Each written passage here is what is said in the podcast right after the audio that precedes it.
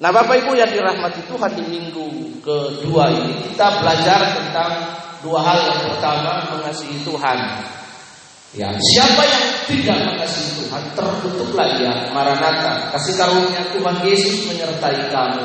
Kasihku menyertai kamu. Bapak Ibu Saudara semua, konteks ditulisnya surat Korintus ini karena surat Korintus ini jemaat yang pertama bertengkar ya sesama jemaat bertengkar ribut.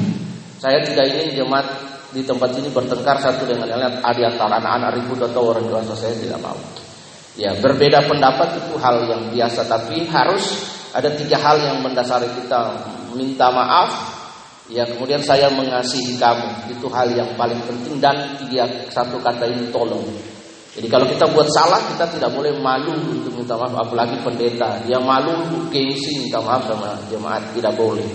Jadi dimulai dengan surat Korintus ini ditulis oleh Paulus atas kehendak Allah kepada jemaat di sana karena satu jemaat sana ribut antar jemaat. Yang kedua, jemaat di sana hidup dalam perselingkuhan, percabulan, persinahan. Ada keributan di dalam gereja. Itulah sebabnya Rasul Paulus menulis surat tidak cukup satu surat Korintus, tapi surat dua Korintus. Bapak Ibu kalau baca surat Korintus pertama itu ada perpecahan di dalamnya. Ada keributan di dalam. Nah karena itu, Bapak Ibu dia menutup surat satu Korintus ini dengan satu perkataan. Siapa yang tidak mengasihi Tuhan terkutuk lagi Maranatha. Bapak Ibu dasar dari kita berrelasi dengan Tuhan itu adalah kasih. Dimulai dengan the first atau the prime, the main law between the relation from us with God, yaitu adalah kasih didasari oleh kasih.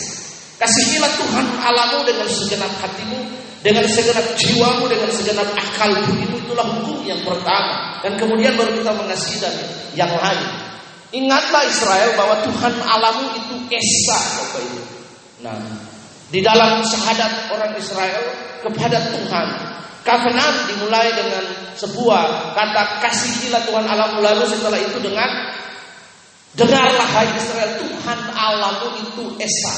Ya. Shema Israel Adonai Eloheinu Ekat. Nah, itu sebuah pernyataan covenant jadi Bapak Ibu yang dikasihi oleh Tuhan mereka mengasihi Allah yang esa, Allah yang tunggal gitu Bapak Ibu. Ini yang penting Bapak Ibu. Sebenarnya masalah utama Adam dan Hawa itu cuma satu adalah mereka jatuh dalam dosa. Kegagalan mereka untuk menunjukkan mereka mengasihi Allah atau tidak. Salah satu bentuk dari ekspresi kasih itu digambarkan dengan action Bapak Ibu. Jadi love expression from man creator to God adalah obey to him, submit to him, follow him. So that's why the means of sin. Jadi kata dosa itu artinya disappointed, artinya melenceng. Ya, manusia gagal, Adam and Eve fall in their understanding to love God. Mereka gagal dalam pengertian mereka untuk mengasihi Allah. Itulah sebabnya Rasul Paulus menulis siapa yang tidak mengasihi Allah. Kata mengasihi Allah itu begitu penting sekali dalam hidup kita. Karena itu mulai tahun baru ini kita mengasihi Allah, rajin baca kitab suci. Iya. Rajin baca kitab suci membangun hubungan hal-hal yang bersifat rohani. Karena itu dasar kita. Kasihilah Tuhan alamu. Itu dasar pertama kita berrelasi, mengenal dia, belajar dengan dia. Kalau tidak ada yang mendasari Bapak Ibu kita membangun fondasi bangunan ini mengikuti rumah ini bangunannya bentuk fondasi lurus ke depan ya dari belakang ke depan panjang dia begitu. Begitupun juga dasar atau fondasi dari kita mengasihi Tuhan itu adalah kasih. Jika kita kehilangan kasih, kehilangan gairah, kehilangan passion the spiritual things, maka kita sebenarnya sudah jatuh dalam dosa. Karena dosa itu artinya disappoint. Disappointed Tuhan bilang A, kita mengikuti menyimpang.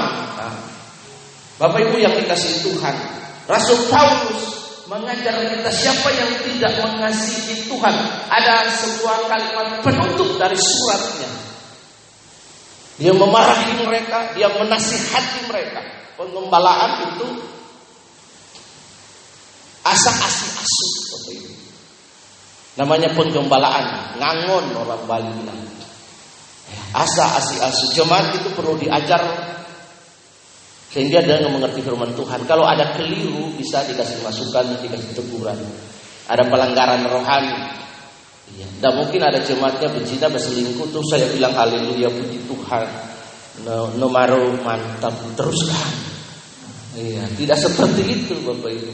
Tetapi harus di ditegur, dinasihati dalam terang firman Tuhan, dalam konteks firman Tuhan. Jadi jangan begitu. Firman Tuhan yang ngomong begini. Dan juga tidak boleh singgung pribadinya. Dia ketika kita konseling kita kasih tahu firman Tuhan larang itu begini. Kalau engkau melanggar engkau begini. Itu saja cukup. Kalau mau mendengar puji Tuhan. Tidak mendengar nanti resiko tanggung sendiri Tuhan akan beracara dengan kita. Nah lihat siapa yang tidak mengasihi Allah dasar hubungan kita adalah yang pertama dasar relasi itu adalah mengasihi Tuhan. Setelah kita mengasihi maka kita memilih memutuskan untuk mengikuti. Lalu Bapak Ibu di dalam relasi dengan Tuhan itulah maka ada manusia roh spiritual anatomi kita terbangun, roh kita dibaharui, pikiran kita dibaharui, jiwa kita dibaharui, semua kita dibaharui menjadi the new man. Manusia yang baru, the new woman, the new man. Nah ini yang penting manusia baru dalam relasi itu sebab Yohanes 8 ayat 30 berkata Jika kamu berjumpa dengan kebenaran Jika kamu mengenal kebenaran Maka kamu akan berubah Nah ini yang penting dasar relasi kita Rasul Paulus mengutip perkataan Tuhan sebagai dasar Israel sebagai sebuah entitas terpilih dalam relasi mereka dengan Allah mereka perlu mengasihi Tuhan. Dia mengutip perjanjian lama untuk menegaskan suratnya supaya mengingatkan kita bahwa nenek moyang mereka gagal untuk mengasihi Allah. Akhirnya mereka juga dihukum oleh Allah. Kegagalan untuk mengasihi Allah hari ini Allah tidak langsung menghukum kita, tapi kita jauh dari hadirat Allah maka kita akan mengalami degradasi moral ketika karakter orang-orang yang mengalami degradasi moral, moralitas, karakter, etis dan lain-lain karena dia tidak menjadikan Tuhan dalam hidupnya. Nah itu perhatikan dengan baik. The man, yeah. the woman that was never put God in his soul, think, thought itu akan mengalami kegagalan. Karena apa? Allah itu sebagai pusat dari segala sesuatu dikonstruksikan hati nurani. Jika hati nurani ini sudah tidak ada Allah, maka rusak manusia itu binasa. Nah itu perhatikan. Siapa yang tidak mengasihi Tuhan, itulah sebabnya Paulus mengingatkan jemaat Efesus. Dia berkata bahwa jika kamu tidak lagi melakukan kasihmu yang mula-mula, maka kamu telah jauh jatuh dasar daripada hubungan. Kejadian membuka kisah penciptaan Allah. Dia mengekspos kisah penciptaan Allah. Kisah penciptaan Allah itu juga adalah kasih Allah. Before God create man and woman, Adam and Eve and put them in the Garden of Eden. Iya. Dia menciptakan segala sesuatu. Kalau boleh kita kata God for the fish create only facility. Iya. Dia menciptakan langit, bumi, Kemudian segala sesuatu dan menciptakan manusia setelah Yesus finish. Bapak Ibu perhatikan di situ. God was create all the things for man and woman. And God says everything is good. Semua yang dilihat Allah itu baik. After then God was create Adam and Eve. Setelah semuanya selesai. Begitulah kasih Allah di dalam kejadian bagi manusia. Kita memulai perjanjian lama dengan sebuah love attraction, pernyataan kasih Allah. Dia menciptakan segala sesuatu, baru menciptakan manusia. Perjanjian baru juga dimulai dengan sebuah tindakan kasih begitu. Bapak Ibu, Allah menyerahkan dirinya bagi manusia. Yohanes 6, 3 ayat 16. Karena begitu besar kasih Allah kepada manusia sehingga dia mengarah anak tunggal supaya setiap orang yang percaya kepadanya tidak binasa melainkan memperoleh hidup yang kekal. The New Testament show for us the attraction of love that was so by Jesus Christ that hang on on the cross die for you. Pay our debt, pay our sin, pay our curses. Bapak Ibu lihat di sini. Mati bagi kita menebus kebodohan kita, dosa kita, keberadaan kita, kutub kita. Karena itu tidak ada lagi kutub di dunia ini.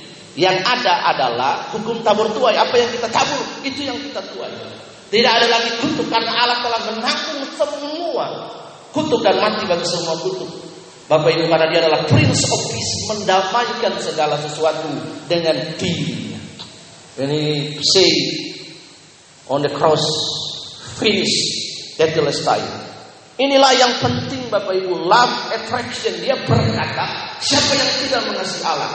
Kata mengasihi itu juga berbicara tentang action, tindakan, pilihan kita. Bapak Ibu ingat kisah perjalanan Yosua keluar dari Israel, dari tanah kanan mereka mau memasuki menyeberang sungai Yordan, across the river of Jordan. Bapak Ibu lihat ada sebuah pernyataan Yosua Just for this day, me and my family, family we stand and keep to love God, keep to trust Him. Kami dan keluarga akan setia mengikuti Tuhan Allah pilihan pada hari ini kepada siapa yang kau beribadah, kepada siapa yang kau berbakti. Itu adalah pernyataan love attraction. Sebuah pilihan untuk mengasihi Allah. Karena ini di dalam pilihan ini Bapak Ibu, dalam pilihan ini ada akibat. Ada konsekuensi Bapak Ibu. Konsekuensi dari Allah meng mengasihi Israel, maka dia berrelasi dengan mereka. Dia memberkati mereka. Dia berkata dalam kitab ulangan 28. Jika engkau sungguh-sungguh mendengarkan suara Tuhan Allah melakukan dengan setia segala perintah yang kusampaikan kepadamu pada hari ini. Maka segala berkat all the blessing will follow you. Itu artinya jika engkau mengasihi aku. Maka segala berkat orang yang kita kasihi, dia akan tegur. Nah, kalau orang yang semakin dekat dengan Tuhan, dia akan diberkati. Dan Bapak Ibu membaca relasi Israel dengan dalam kitab-kitab kejadian, dalam kitab hakim-hakim dan lain sebagainya. Ketika orang Israel semakin dekat dengan Tuhan, orang Israel semakin intim dengan Tuhan. They blessed by God. Ternak mereka, rumah mereka, kebun mereka, semua yang mereka dikerjakan Ketika mereka menjauh daripada Tuhan, maka kebun mereka tidak diberkati. Semua mereka tidak diberkati. Jadi kedekatan Israel dengan berrelasi dengan Allah di dalam pengertian mengasihi Allah semakin mereka semakin more than close to God, mereka semakin diberkati. Semakin menjauh, mereka tidak diberkati karena memang itu janji Tuhan kepada mereka. Secara fisik, mereka umat pilihan Allah hari ini, Bapak Ibu. Janji yang sama. Jika kita tidak mengasihi Allah, ada konsekuensi akibat adalah tutup. Tetapi jika kita mengasihi Allah, Tuhan berkata dalam Matius 6 ayat yang ke-33, jika engkau carilah dahulu kerajaan Allah dan kebenarannya, everything will be added into your life. Semua akan ditambahkan dalam hidup kita. Iya. Kata semua itu bukan berarti saudara ingin pesawat lalu pesawatnya langsung ada. Nah, kalau saudara menginginkan pesawat harus menyiapkan landasan pesawat, punya pilot, punya pesawat harus punya di Jembrana ini belum ada pompa bensin pesawat. Artinya our daily need Iya. Kebutuhan kita itu dipenuhi oleh Tuhan. Jangan takut sebab Tuhan berkata, "Akulah roti yang hidup." Karena itu untuk menunjukkan bahwa dia benar-benar roti hidup, dia memenuhi God fulfill His privacy, His words. When He said, I am the bread of life, maka dia tindakannya adalah menunjukkan bahwa benar-benar saya adalah orang yang adalah roti hidup yang memberi makan lima ribu orang.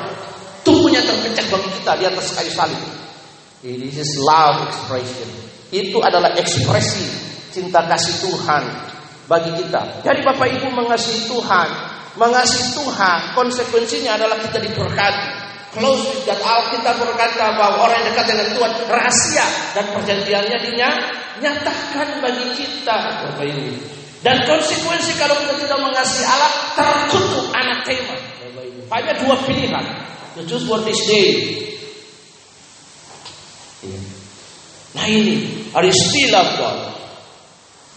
Or reject him or ignore him.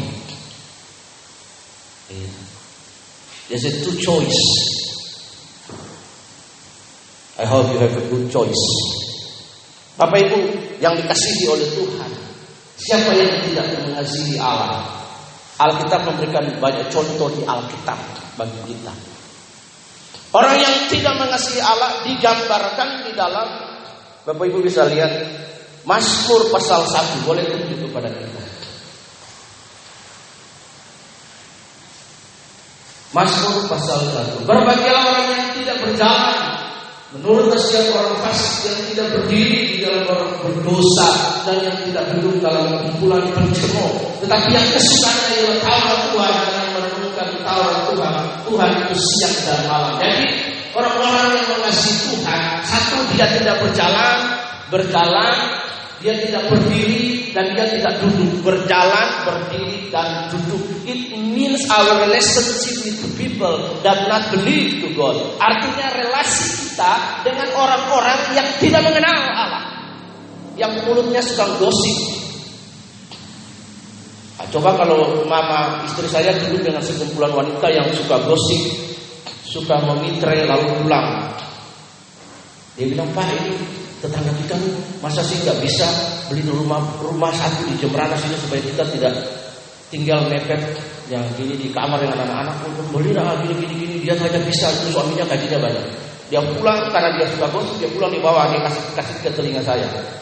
Akhirnya saya marah. Iya. nah, seperti itu.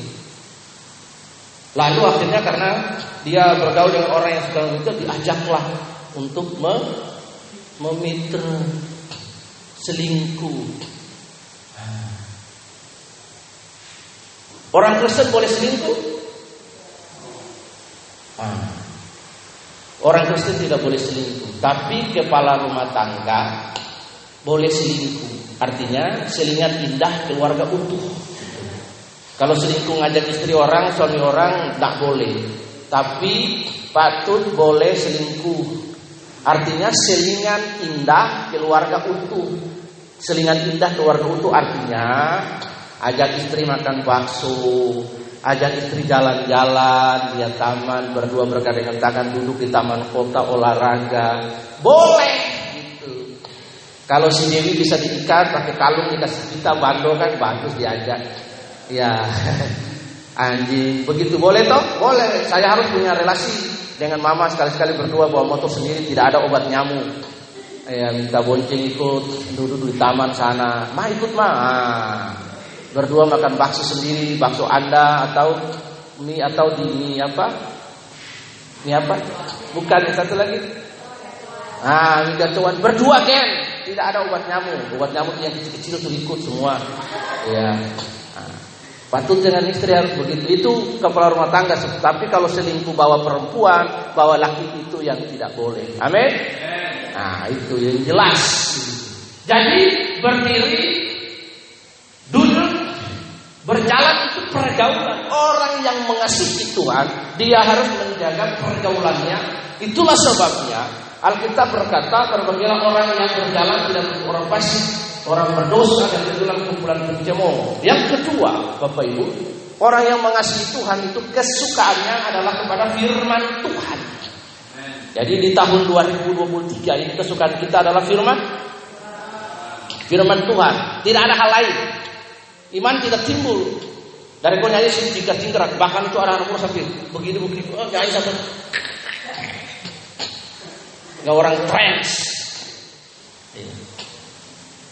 Itu sebentar model-model begitu lagu pujian semangat lompat-lompat tapi gini-gini gini keluar itu sinawang aku dari pintu mereka keluar tidak tahu apa.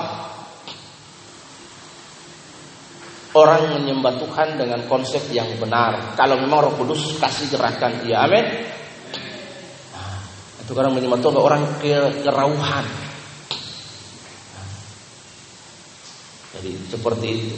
Ekspresi ialah Taurat Tuhan dan yang merenungkan Taurat Tuhan siang dan malam. Orang yang mengasihi Tuhan dia menjaga pergaulannya.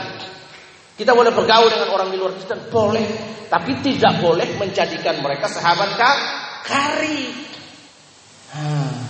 Ya kalau jadi bergaul dengan pencuri nanti ikut mencuri. Jangan bergaul salah orang. Karena pergaulan yang buruk itu merusak kebiasaan kita yang baik. Karena itu bergaul dengan orang yang dapat menginspirasi, menolong kita. Itu ciri orang yang mengasihi Tuhan. Nah, lihat. Tetapi orang yang tidak mengasihi Tuhan, cirinya adalah kebalikan dari orang yang suka nasihat orang fasik, suka berdiri dengan orang dosa yang tidak yang suka hidup dalam kumpulan pencemooh. Iya. Suatu saat sudah ber, berdua tiga kali ketika saya ngajar di kelompok taman baca kita ada yang nawarin Pak satu gelas saja untuk kasih panas barang kan di Ambon juga biasa Mau satu gelas? Enggak. Nah, seperti itu. Apakah orang Kristen minum bir? Minum. Bukan untuk mabuk. Untuk es panas. Dan itu bukan jadi habit. Kebiasaan. Minum. Lalu akhirnya satu sloki tambah darah. Dua sloki naik. Darah. Tiga sloki cari perkara. Empat sloki muntah. Muntah darah. Lima sloki masuk penjara. Enam seloki, puji Tuhan, neraka. Ah, haleluya. Nah, itu Bapak Ibu. Jadi mengasihi Tuhan syaratnya ini. Yang kedua, suka baca firman Tuhan. Tidak ada yang lain. Bagaimana attitude orang Israel dalam relasi dengan Tuhan, Alkitab berkata, baca kitab suci ini. Ke mana pun engkau pergi ingat, tuliskan itu, ikatkan pada ambang pintu, tulis di kepala, di tangan, bawah. Ini yang penting Bapak Ibu bagi kita. 2023 kita tidak tahu waktu-waktu di depan kita apa yang terjadi. Ada begitu banyak hal-hal yang terjadi. Tapi orang yang dalam duduk dalam lindungan Allah yang maha tinggi akan dipelihara Allah menjadi biji matanya Allah. Ini yang penting. Bersama Yesus lakukan perkara besar bersama Yesus tidak ada yang sukar Bersama Yesus ada jalan keluar untuk masalahmu, untuk masalahmu, untuk masalah kita semua. Cenigai. Sarang tidak sang Yesus ceni, cenigai. Iya. Bapak Ibu, ini yang penting ekspresi. Dikatakan di situ siapa yang tidak mengasihi Allah terkutuk. Jadi mengasihi dasar dari segala sesuatu yang kita lakukan mengasihi kalau kita tidak mengasihi Tuhan, kita tidak datang ke gereja. Orang bisa datang ke gereja bisa, karena tuntutan administrasi supaya orang tahu dia nggak ateis saja. Ya, hadir datang ke gereja setelah itu duduk pulang. Supaya orang tahu dia punya KTP Kristen, tapi tindakan kasihnya itu tidak tidak ada. Nah, yang berikut kita lihat di sini. Siapa yang tidak mengasihi Tuhan? Kita lihat kata terkutuk Bapak Ibu. Ya, di sini Akibat dari tidak mengasihi Tuhan itu terkutuk. Ya, lihat. Saya ingin menjelaskan di sini. Kata Ibrani dari kata kutuk artinya arar atau galal dan Allah yang artinya adalah Bapak Ibu sebuah kondisi seorang dapat mengucapkan kutuk. Kata kutuk artinya sebuah kondisi yang tidak diinginkan yang ekstrim. Ketika orang Israel tidak mengasihi Tuhan, kutuk datang, mereka dihantam musuh. Perkebunannya hancur, ternaknya hancur dan lain. Mereka hidup dalam tekanan musuh. Nah itu sebuah kondisi yang ekstrim yang tidak diinginkan oleh orang Kristen. Sakit penyakit dan lain sebagainya. Karena itu penting bagi kita. Bapak Ibu, kata kutuk juga berbicara tentang penghukumannya atas dosa. Kata kutuk juga berarti orang yang menderita akibat dosa karena penghakiman Allah. Nah, ini yang penting Bapak Ibu. Jadi kalau kita mau diberkati supaya kondisi-kondisi ekstrim itu dihantam oleh Allah, dihukum oleh Allah, maka kita harus apa? Tidak ada jalan pilihan yang lain mengasihi mengasihi Allah. Sebab kalau tidak mengasihi Allah, lawannya cuman apa? Dikutuk. Amin. Kalau lawan dari mengasihi Allah ya itu sebenarnya tidak mengasihi Allah. Akibatnya apa konsekuensinya dikutuk. Itu kan pilihan yang tidak mengenakan bagi kita. Karena itu mau dan tidak mau perjuangan keras kita untuk terus apa mengasihi Allah, mengasihi Allah dalam hidup apa pun yang terjadi. Singkene singketo Yesus dogen. Iya, mau hujan panas ke apa ke Yesus. Mau tawaran apa pun sudah beli itu Ya.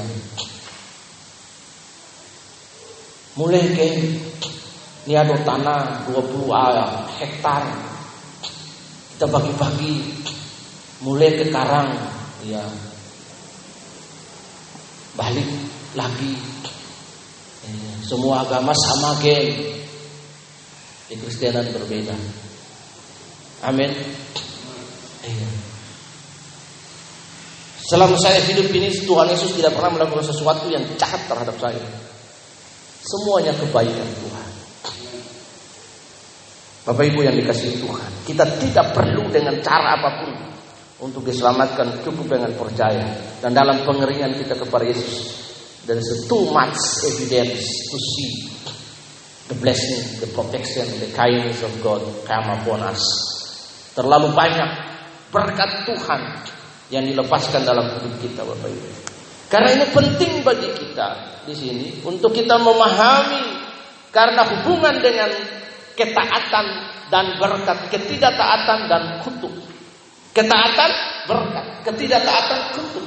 Manifestasinya adalah kita mengasihi Tuhan. Atau tidak katakan amin.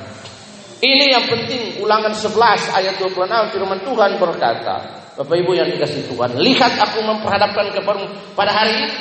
Berkat dan kutuk apabila kamu mendengarkan perintah Tuhan Alamu yang kusampaikan dan ke kepadamu pada hari ini dan kutuk jika kamu tidak mendengarkan perintah Tuhan Alamu dan menyimpang dari jalan yang kuperintahkan padamu dengan mengikuti alalan yang tidak kamu kenal. Jadi, Bapak Ibu, ketidaktaatan ketaatan mendatangkan berkat, ketidaktaatan mendatangkan kutuk. Kita lihat lagi Yesaya 1 ayat 19 sampai 20. Jika kamu menurut dan mau mendengar, maka kamu akan makan hasil baik dari negeri itu. Yesaya 1 19 sampai 20. Tetapi jika kamu melawan dan memberontak, maka kamu akan dimakan oleh pedang. Sungguh Tuhanlah yang mengucapkannya. Perkataan ini datang dari mulut Tuhan sendiri kepada Yesaya. Jika kamu tidak mendengarkan dan berontak, degil, keras kepala, kepala batu, batu kepala. Ah, iya bengkung, butuh, apalagi sudah tidak bisa dikasih tahu, bedu, ah, Tuhan hantam perkataan keluar mulut. Karena berkaitan dengan ketaatan berkaitan dengan berkat. Kita semua mau diberkati kan? Mari kita taat, setia dengan firman. Ketidaktaatan itu berkaitan dengan kutuk Paulus memakai kebenaran ini untuk menjelaskan ajaran tentang keselamatan. Hukum menjadi kutuk bagi mereka yang gagal menaati. Kegagalan menaati Tuhan itu hukuman. Tapi ketika kita mengasihi Tuhan dengan segenap hati, des. Aku mengasihi karena itu saya jarang sekali nyanyi lagu ini. Petrus yang dekat dengan Tuhan tiga kali menyangkal Tuhan. Karena Tuhan berkata, Peter, do you love me? Peter tahu, you know God, I love you. Why you ask question for me, Jesus? Petrus lagi, Yesus bertanya lagi, Peter, do you love me? Apakah engkau mengasihi aku? Lalu Petrus menjawab pada yang ketiga, ya know. Yesus menjawab, Ya ayam berkokok tiga kali. Engkau menyangkal aku itu Petrus. Jadi dan memang perkataan itu terbukti. Jadi ketika saya mau nyanyi lagu ini saya juga berpikir Tuhan apa saya pantas. Aku mengasihi Engkau Yesus dengan segenap hatiku. Mau nyanyi lagu ini kita pikir dua kali. Saya pikir berkali-kali kalau saya mau nyanyi lagu ini dalam doa dalam pengajaran. Karena belum tentu saya mengasihi Allah. Coba kalau Tuhan itu orang balik. Aku mengasihi engkau Yesus. Iya, tiang tiang tresna Yesus. Ya, tiang tiang tresna ida sang panembahan. Terus Tuhan ngomong gini, push, munyi geng. Sehingga doa poci. Nah. Ya. Tuhan ngomong begitu, bayangkan kalau Tuhan ngomong begitu kita dengar kasar lah. Kasar. Iya. Tuhan ngomong aku mengaku cinta kau lebih dari segalanya. Hmm. Bangun, iya kan? Begitu. Nah, Tuhan kalau ngomong begitu kan, uh, kalau bayangkan kalau Tuhan orang balik itu Tuhan ngomong begitu ke kita kita dengar. Karena itu mengasihi Tuhan. Saya mau nyanyi lagu itu saya pikir Tuhan, saya aja masih belum pantas untuk nyanyi lagu itu. Aku mengatakan Tuhan bilang gini benar.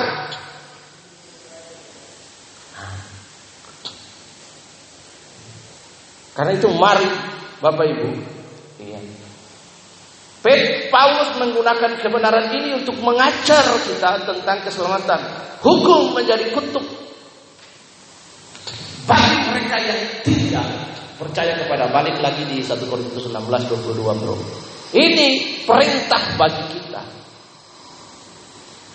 Bapak Ibu di sini. Ini yang penting sekali bagi kita untuk kita pahami kutuk itu begitu penting. Jadi digunakan kata anatema yang aslinya berarti sesuatu yang ditempatkan. Jadi berarti persembahan yang dinasarkan dan bentuk pengertian yang dipelihara, barang di situ. Anatema adalah bentuk yang kemudian bentuknya dibedakan oleh para penyusun kamus Alkitab. Jadi anatema itu terkutuk di situ. Nah, Demikianlah yang didengar orang Kristen karena sinkretisme Yunani kuno mengajarkan penghinaan yang mengerikan di situ.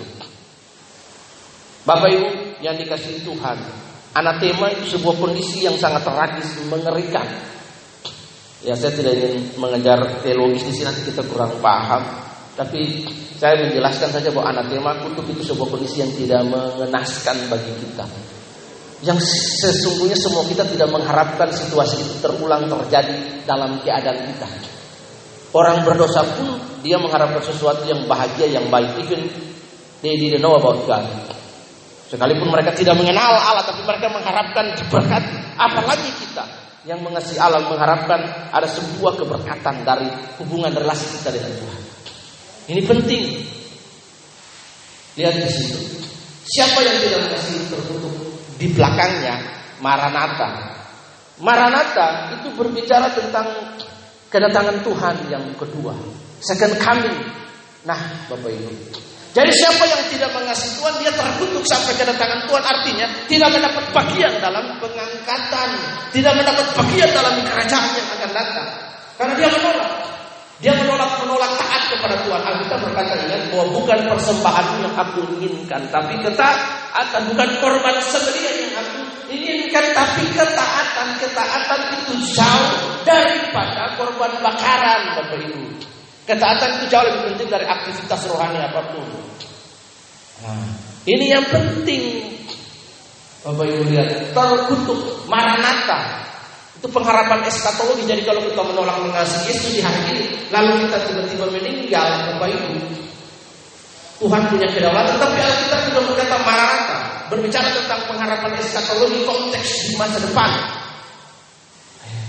Karena Alkitab sudah bilang hanya orang-orang yang mengasihi Tuhan. Itulah Tuhan menggunakan dua parabel perumpamaan. Ketika dia undang orang-orang untuk datang, mereka nggak mau datang anak-anak kerajaan. Akhirnya Tuhan bilang apa? Panggil orang-orang yang di jalan-jalan. Pemulung apa-apa untuk datang makan dalam perjamuan besar. Dan mereka datang. Jangan sampai kita yang ter, terkemudian menjadi yang ter akhir. Harus setia. Setia, setialah. Setia sampai mati seperti Tuhan Yesus setia sampai mati. Apakah balasannya? Untuk kasih setianya setia setialah setia sampai mati. Nah, ini penting sekali dalam hidup kita. Jadi di tahun baru ini ada dua pesan penting. Iya Bapak Ibu bagi kita. Ini penting sekali untuk kita ingat.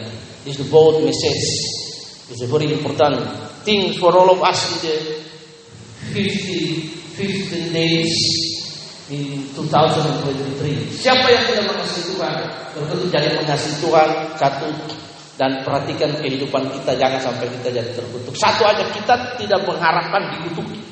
Tapi kita sendiri yang membuat diri kita dikutuki. Tidak mengasihi Tuhan, lang langsung dikutuk. Tidak ada pakai acara macam apa pun. Tuhan bilang tidak mengasihi Tuhan, lawannya dikutuk. Jadi mari mengasihi Tuhan. Bagaimana cara kita mengasihi Tuhan? Bagaimana kita bilang kita mengasihi Tuhan? Dengan love attraction, atraksi cinta. Yaitu aksi cinta itu adalah dengan membaca merenung firman Tuhan tidak bergaul berkonteks yang salah. Mengasihi Tuhan apa pun dilakukan. Sebab Kolose 3 ayat 23 menjadi penutup kita. Tolong dibuka. Kolose 3 ayat 23. Kolose 3:23 Alkitab berkata bahwa itu apa pun yang kamu lakukan, yang kamu kerjakan seperti untuk Tuhan dan bukan untuk manu, manusia. Apa pun yang kamu perbuat, perbuatlah dengan segenap hatimu seperti untuk Tuhan dan bukan untuk manusia. Kamu tahu bahwa dari Tuhan kamu akan menerima bagian yang ditentukan bagimu sebagai upah. Kristus adalah Tuhan dan kamu adalah hambanya. Barang siapa berbuat kesalahan, ia akan menanggung kesalahannya itu karena Tuhan tidak memandang orang. Bapak Ibu. Jadi apa pun yang kita kerjakan, Tuhan berkati jika engkau sedang bekerja di kebun, apa pun yang engkau kerjakan di kebun itu untuk Tuhan. Apa pun yang kau kerjakan seperti itu Tuhan. Engkau masih anak sekolah, bersekolahlah untuk Tuhan. Iya. Bukan bersekolah juga untuk diri. Bersekolah bukan untuk diri sendiri. Tapi bersekolah untuk apa pun yang kita kerjakan. Makan, minum, semua pekerjaan yang kita pergi. Semua untuk Tuhan. Dan di atas kehidupan, 24 jam kehidupan yang itu adalah ibadah kita. Tuhan diberkati dan Tuhan dimuliakan atas kehidupan kita. Sehingga orang dapat melihat Kristus hadir dalam hidup kita. Mari kita kepala dan kita berdoa. Kasih karunia Allah yang jauh melampaui segala roh hikmat akal dan pikiran menolong kita dalam segala hal yang kita kerjakan. Tuhan berkati kami di tahun 2023 hari yang ke-15 ini Tuhan. Kami mau mengasihi Tuhan sehingga kami tidak menjadi orang-orang yang terkutuk dalam hidup ini. Di dalam nama Yesus kami percaya bahwa kami mencari kebenaran Allah dan kerajaannya. So we believe God, everything yang dicari bangsa-bangsa makan minum itu akan penuhkan lewat pekerjaan-pekerjaan kita. Dan dalam situasi-situasi sulit, ketika kami tidak bekerja, ketika kami tidak punya uang, Tuhan akan pelihara kita dengan cara yang ajaib. Bukankah Tuhan menunjukkan kepada kita bahwa Tuhan memelihara Elia dengan diberi makan oleh burung gagak di sungai Kerit dan juga lewat canda yang miskin Tuhan di Sunem dalam nama Yesus. Dan juga yang kau berkata, bahwa Tuhan engkau menunjukkan teladan. Walaupun Elimelek mengambil langkah yang keliru tapi di tempat Tuhan dia keluar dari rumah roti di Moab Tuhan pelihara sampai Naomi dapat kembali. Tuhan engkau juga berkata bahwa engkau adalah Tuhan engkau adalah roti yang hidup. Dan engkau menunjukkan itu Tuhan dengan love attraction God. Bahwa engkau memenuhi memberi makan 5000 orang sisa 12 bakul dan ada sisa 7 bakul di 4000 orang kau kasih makan. Terima kasih Tuhan Yesus. Kami percaya kami mengasihi Engkau, kami akan diberkati. Is the fact of the Bible. Terima kasih Tuhan ini bukti dari Alkitab yang tidak dapat dibantah bahwa berkat-berkat secara jasmani yang kau sediakan juga bagi kami lewat pekerjaan-pekerjaan kami di dalam nama Tuhan Yesus. Yang kau pelihara kami dengan cara yang ajaib Tuhan Yesus. Bapak terima kasih kami bersyukur Terima kasih engkau memberkati pekerjaan-pekerjaan kami supaya lewat pekerjaan itu kami diberkati Tuhan. Dalam nama Yesus diberkati ternak, roti, adonan, bakul. Seperti yang kau katakan, kami mengasihi engkau Bapa. Dalam nama Yesus, pendidikan anak-anak kami engkau tolong engkau berkati. Tuhan, engkau memberkati seluruh kami jemaat yang ada dalam tempat dan kondisi yang memungkinkan kami untuk kami mengincil, berikan api bagi kami. Tuhan, terima kasih crossfire Lord. Sehingga kami diberikan kemampuan, tidak takut untuk menginjil, berkata-kata, memberitakan Injil. Firman Tuhan adalah kekuatan Allah yang menyelamatkan setiap orang yang percaya. Injil adalah kekuatan Allah. Berkati patut dengan istri yang senang menginjil. Tuhan berkati mereka. Mereka akan hidup dari Injil yang mereka beritakan dalam nama Yesus. Sertai dan teguhkan dengan tanda heran dasar tanda ajaib. Bawa orang-orang untuk percaya. Yang jadi hidup kau Tuhan.